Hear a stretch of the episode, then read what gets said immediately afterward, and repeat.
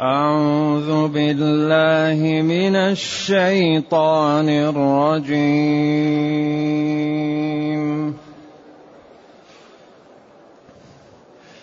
وما آتيتم من ربا ليربو في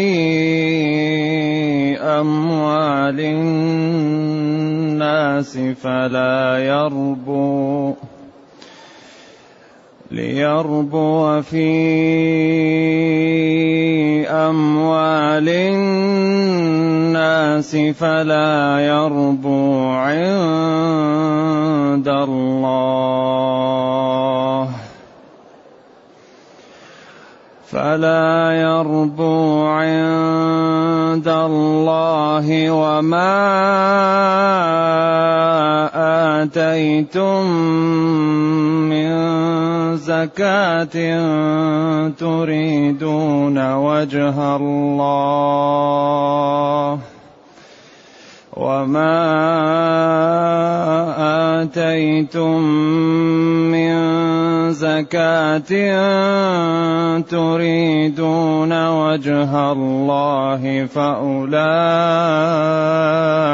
هم المضعفون فأولئك هم المضعفون الله الذي خلقكم ثم رزقكم ثم رزقكم ثم يميتكم ثم يميتكم ثم يحييكم هل من شركائكم من يفعل من ذلكم؟ هل من شركائكم من يفعل من ذلكم من شيء. سبحانه وتعالى سبحانه وتعالى عما يشركون. ظهر الفساد في البر والبحر بما كسبت أيدي الناس.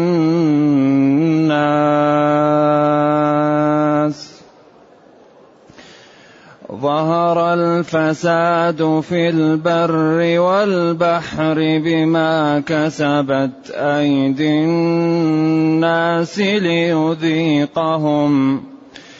ليذيقهم بعض الذي عملوا لعلهم يرجعون.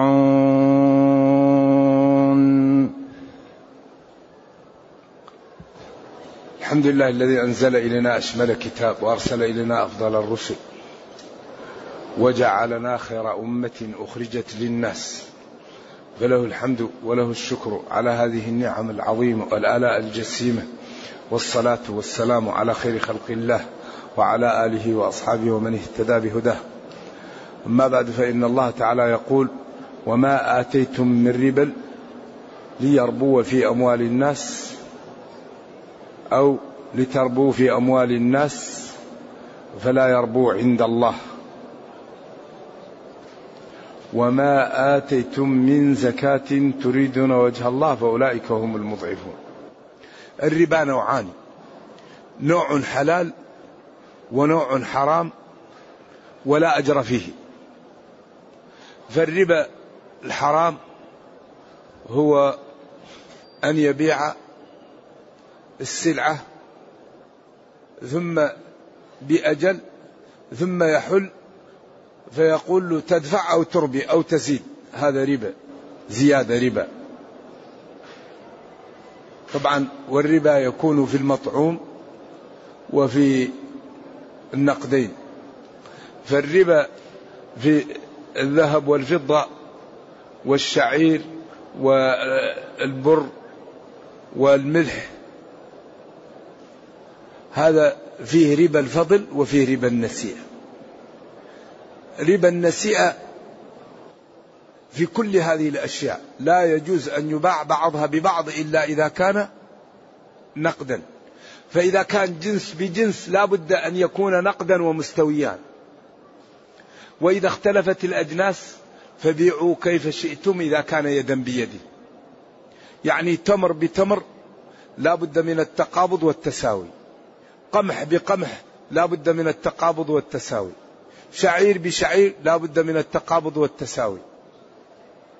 لكن تمر بذرة ما هو لازم التساوي لكن لازم التقابض. يمكن تبيع بالصاع بالصاعين لكن لا بد أن يكون إيش؟ تقابض. فإذا اختلفت الأجناس فبيعوا كيف شئتم إذا كان يدا بيد. إذا إذا كان جنس واحد لا بد أن يكون يدا بيد والتساوي. أما إذا اختلفت الأجناس فبيعوا كيف شئتم. ولذلك العمل يمكن العملة هذه تزيد على هذه لكن لا بد من التقابض. كذلك إذا كان يبيع الأطعمة إذا كان طعام واحد لا بد أن يتساوى ويتقابض. وإذا اختلفت الأطعمة يعني بيعوا كيف شئتم إذا كان يدا بيد. لكن يمكن تزيد تجعل الصاع بالصاعين. نعم. إذا هذا النوع من الربا حرام. وهو الزيادة. واحد يأتي الواحد يقول له أعطيني خمسين ألف وبعد سنة أعطيك مئة ألف. هذا لا يجوز بالإجماع. سلف بالزيادة لا يجوز. ما في أحد يبيح هذا. ولذلك ينبغي للمسلمين أن يتقوا الله في أنفسهم ويعملوا مستودعات يجتمع عليها الجميع. ويكون من يأتي هل يريد بضاعة أو يريد نقد. فإذا كان يريد بضاعة يذهب إلى المستودعات ويردها نقد. وإذا كان يريد نقد يذهب إلى البنوك إلى المصارف ويردها بضاعة. ويكون كل شيء سهل. بس هذا يزيد عمال وسيارات وش ومستودعات. ينقص من الأجر قليل. المشكلة أن هذا ينقص من من من؟ من الربح. وهذا يريد أن يربح أقصى ربح إذا يدفع فلوس ويأخذ زيادة عليه. لكن أحل الله البيع وحرم الربا. فينبغي للمسلم أن يحتال لنفسه بأن يبحث عن الحلال ولا يأكل الحرام. والربا خطورة لا يعلمها إلا الله. الربا خطر يقول العلماء مثل من يأتي أمه علنا. أدنى شيء من الربا كمن يعمل الفاحشة في أمه. تصوروا الفاحشة وبالأم. ولذا الربا يمحق. فأذنوا بحرب. ذروا ما بقي من الربا. فإن تبتم فلكم. رؤوس أموالكم. أحل الله البيع وحرم الربا.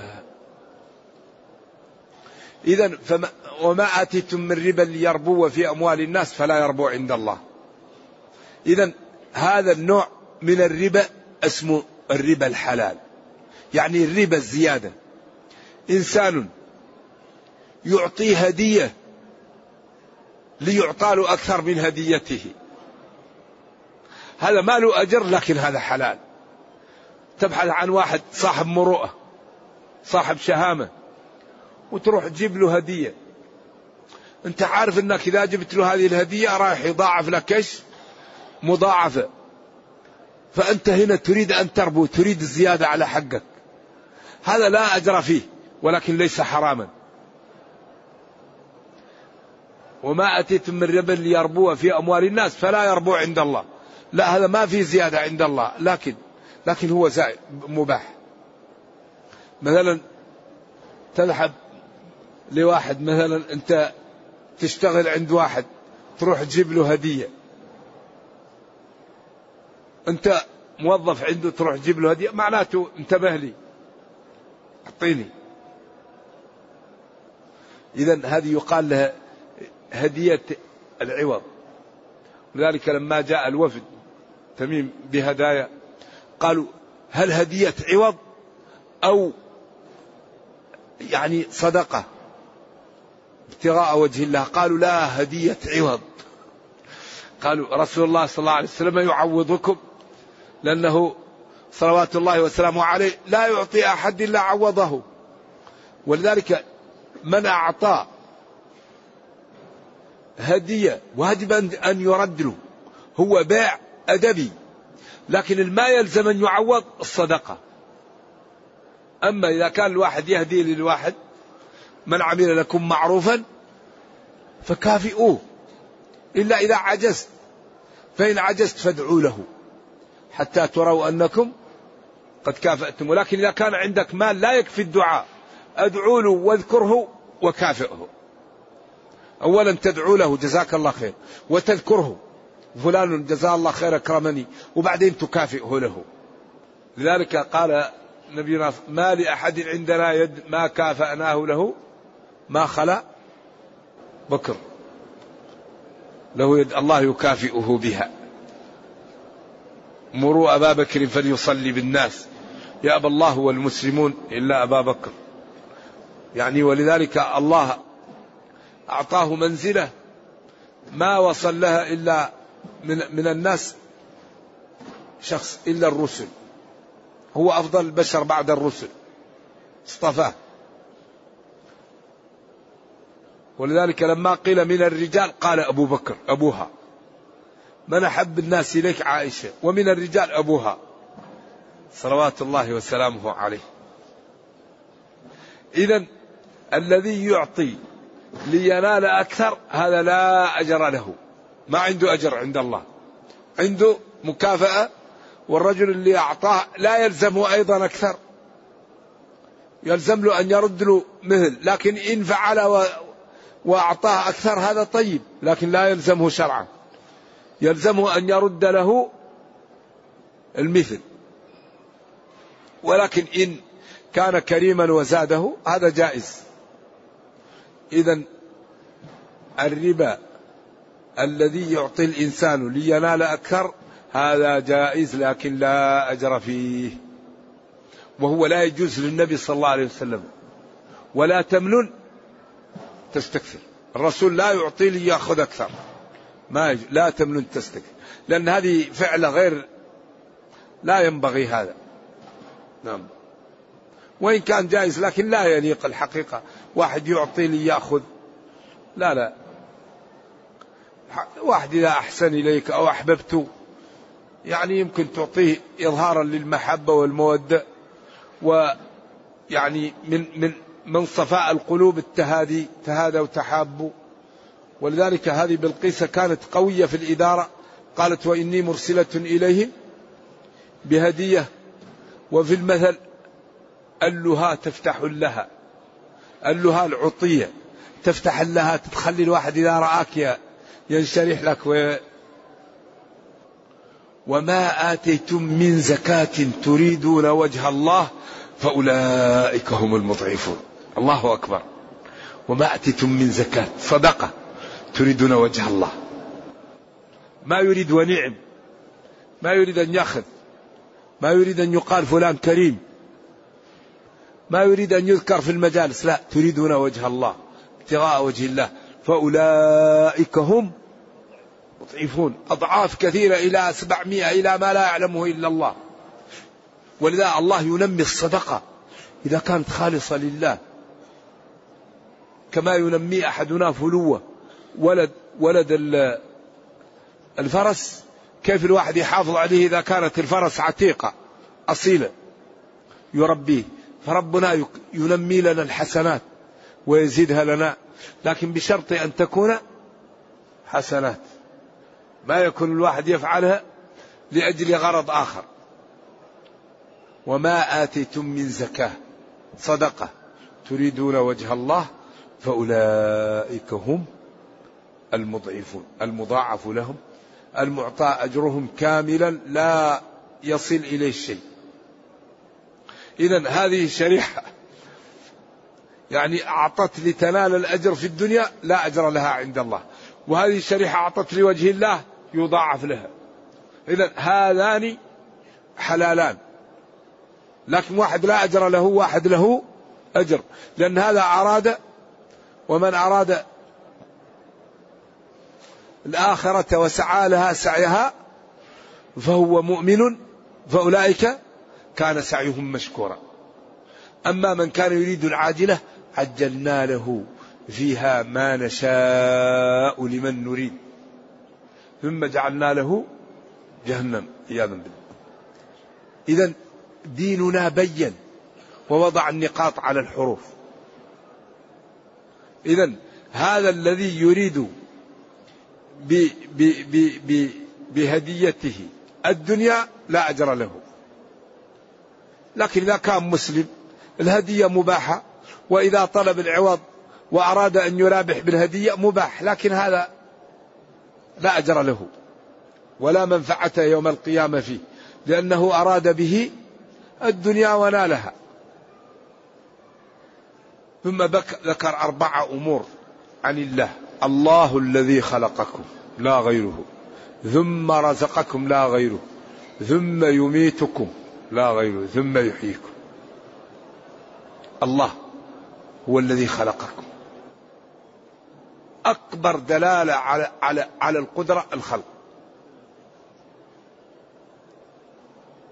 والرزق من الخلق. فلينظر الإنسان إلى طعامه.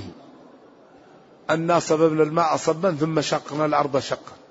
هذا الأمر قد يكون للوجوب ولا ننتبه له. فلينظر الإنسان إلى طعامه. أين جاء الطعام؟ وكيف حصل؟ إذا الله الذي خلقكم ثم رزقكم يغذيكم. لو يمنع المطر ويقول للأرض ابلعي ماءك إلى عشر ألاف كيلو. إلى مئة ألف كيلو من يصل إليه ابلعي ماءك من يستطيع أن يطلعه؟ ويا سماء أقلعي لا تنزلي مطر. من أين يشربون ومن أين يأكلون؟ ثم يميتكم. هذه الروح ينزعها من الجسد. ولذلك من أكبر دلالة على القدرة هذا الشيء الذي يعيش به الإنسان لا يعرفه. شوف شوف عجز الإنسان وقدرة الله. الفرق. عجز الإنسان وقدرة الله. جعل فيك مادة تعيش بها لا تعرف ما هي. وأنت تعيش وتخرج. كيف تخرج؟ ما نعرف. يسألونك عن الروح. قل الروح من أمر ربي وما أوتيتم من العلم إلا قليلا. هل الروح هواء هل الروح غدة هل الروح إيش الروح؟ الروح هذه الموجودة في الجسم ما هي؟ لا يعلمها إلا الله وهي بين أيدينا. يعني أنت يا إنسان هذا دلالة على العجز التام. أهم شيء أنت تحيا به وأنت الذي تتحرك به وهو حياتك لا تعرف ما هو. ولو يجتمع الناس ويحللوا لا يعرفوا كيف, كيف الحياة. إذا الله الذي خلقكم لا غيره ثم رزقكم لا غيره ثم يميتكم لا غيره ثم يحييكم. هل من شركائكم من يفعل من ذلكم من شيء؟ هل من الشركاء من يفعل من شيء من ذلك؟ ولذلك قال الناظم كفاك من عرفانه الفؤاد ليات قبل ظهر الفساد.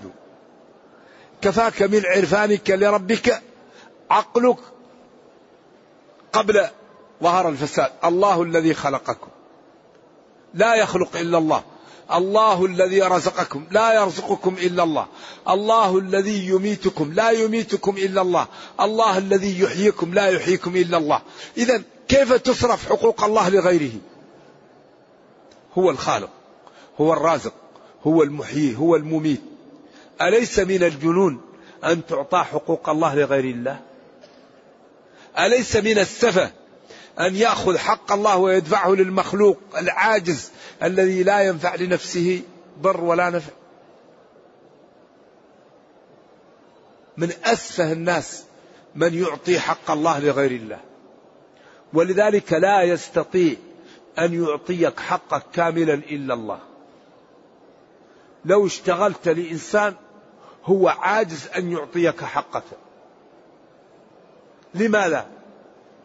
لأن ينبغي أن يكون جزء من من من من الأجر على الإخلاص. والإخلاص لا يطلع عليه إلا الله. أنت الآن لو تشتغل لواحد في جانب اسمه الإخلاص وجانب اسمه الغش من يطلع على هذا؟ الله. إذا لا يمكن يعطيك حقك إلا الله. لأن جانب الإخلاص وجانب الغش أنت لا تدري عنه إذا الإجرة اللي تعطيه ناقصة أو زائدة. لأنه قد يكون يغش فتعطيه أجر زائد وقد يكون أخلص فتعطيه ما تعطيه حقه كامل. بس تعطيه اللي اتفقت عليه معه لكن إذا أردت أن توفيه ما فعل ما تدري عنه. لكن الله هو اللي يعطي للناس حقها كامل. من أخلص يكيل إذا الإنسان العاقل يشتغل لمن؟ لمن يعطيه الحق. إذا لا يعطيك حقك إلا الله إذا لا تشتغل إلا لله.